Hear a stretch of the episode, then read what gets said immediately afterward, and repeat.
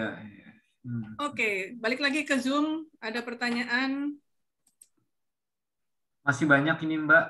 Masih banyak nih. Uh, ini yang dari Yohanes Egin. Ya. Yohanes Egin ini ada cukup banyak, tapi, tapi beberapa sudah uh, terjawab. Uh, berapa banyak pertanyaan yang mendatar dan menurun untuk TTS Kompas? Tadi Yohanes. 90 kan ya? Ya. Udah ya itu ya tadi. Oh iya ya, tadi sudah. Kalau gitu yang pertama ditanya, apakah boleh atau etis membuat TTS untuk dikirim ke media berdasarkan kotak-kotak yang sudah ada.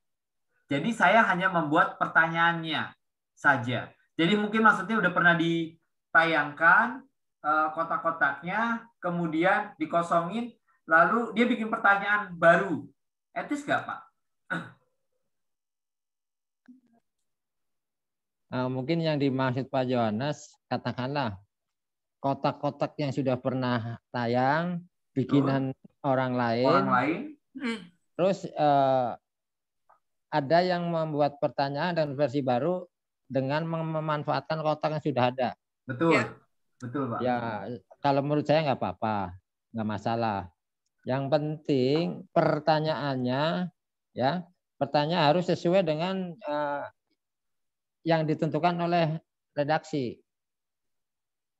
Hmm. Saya banyak kok kotak-kotak saya sering dipakai oleh orang lain dulu ya, sering sering nggak masalah. Hmm. Berarti belum ada kode kalau jurnalistik kan udah ada kode etik jurnalistik Pak. Sekarang kalau TTS kode etik pembuat TTS udah ada Bang Pak.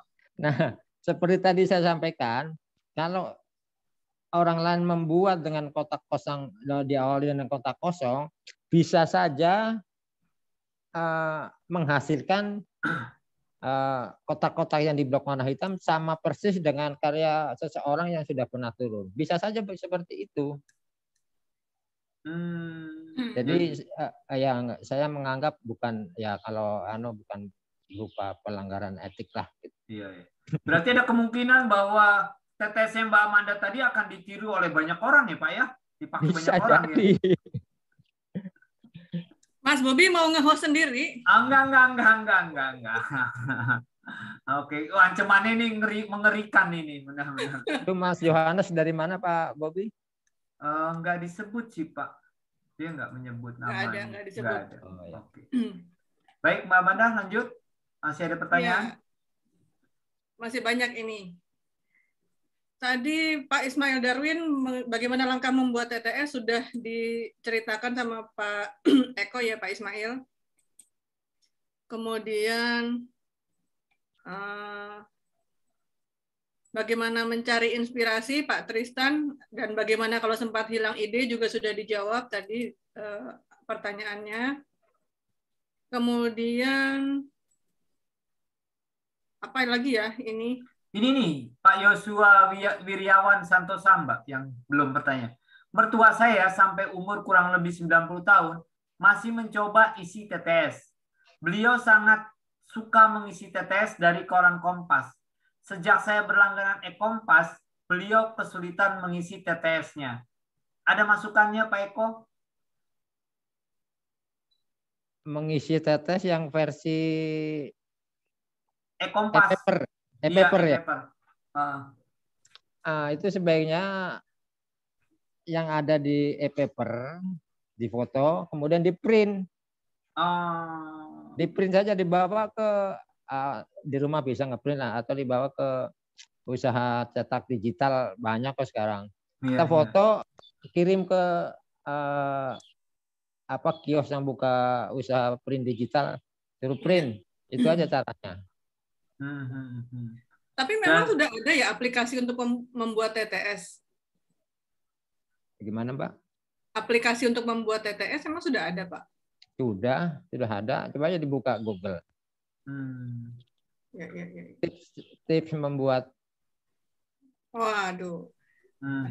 makin banyak ini jadi pembuat iya. TTS. Nah, untuk Pak Eko, uh, saran selain tadi masukan dari eh, maaf, Pak Yosua, saran dari Pak Eko tentang uh, buat mertua yang sudah 90 tahun, ada cara lain yaitu dengan membeli buku TTS Kompas gitu kan dan ya. Anda bisa uh, mendapatkan diskon 20% dengan mengklik di laman geraikompas.id produk kategori buku TTS Kompas. Di situ seluruh buku-buku TTS sudah tersedia termasuk karya-karya Pak Eko. Pilihan uh, eh, TTS pilihan Kompas dengan diskon 20%. Ya. Oke, ini oh. ada pertanyaan lagi nih Mas Bobi nih. Dari mana? Dari Selamat Supriyadi, Tangerang katanya. Untuk proses pembuatan TTS di Kompas, apakah perlakuannya sama dengan proses pembuatan berita di Kompas? Kira-kira Pak Eko bisa jawab nggak ya nih? Kalau Maksudnya apa ya? Kalau proses pembuatan Kompas saya nggak tahu itu karena uh, desnya berbeda itu, jadi saya nggak bisa jawab itu. Mungkin hmm. mungkin ya itu nanti Pak Irwan atau Pak apa mungkin bisa jawab. Pak Irwan hmm. nanti kita berikan. Iya. Oke, jadi uh, Pak Slamet juga bertanya nih, uh, kebanyakan dari TTS yang saya ketahui sama dengan TTS lain, cuman pertanyaannya sedikit diubah.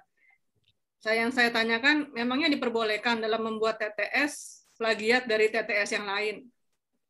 Terus bagaimana membuat TTS yang unik dan menarik, yang berbeda lah gitu Pak Eko.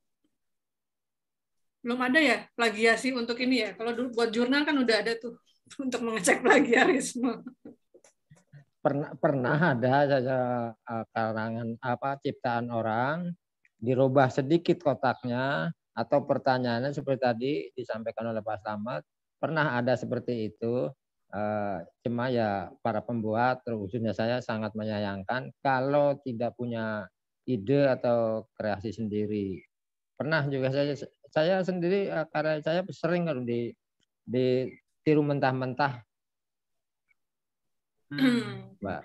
Ya, ya, ya. ya. Kayaknya uh, Hipetsi perlu digalakkan lagi Pak dan kerjasama dengan para pecinta TTS serta ujung-ujungnya untuk bikin itu loh Pak kode etik jurnalis uh, kode etik pembuat TTS gitu loh. Iya iya iya. Kan belum ada kan? Tadi belum. pertanyaannya belum selesai itu bagaimana membuat TTS yang menarik? Apakah semakin sulit? Apakah semakin mudah? TTS yang menarik itu yang kayak apa sih Pak Eko? Ya mungkin yang dimaksud menarik itu dengan pertanyaan yang seperti Mbak Amanda buat itu kotaknya berdiri sendiri, tidak ada bantuan ke sana kemari, dan sulit sekali jawabannya. Itu mungkin yang dianggap menarik. Gitu ya. Kotak-kotak yang melayang-melayang tadi ya Pak ya? Karena kan umumnya kotaknya itu banyak bantuan, tidak berdiri sendiri. Mungkin Jadi seperti kalau nggak ada bantuan berarti tambah sulit itu Pak ya? Ya begitulah. Itu mungkin Bukan sulit itu aneh itu TTS aneh. Baik berkaitan dengan pertanyaan ah, dengan TTS sulit nih Pak. Tadi juga Pak Eko sudah me, uh, apa, menunjukkan buku TTS sulit. Ini ada pertanyaan dari Francisca Pak. Seperti yang Pak Eko katakan tadi bahwa menemukan jawaban TTS zaman sekarang ini sudah sangat gampang semua bisa ditemukan di Google.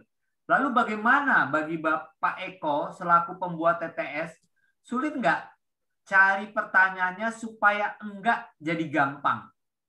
Enggak gampang-gampang amat buat dijawab.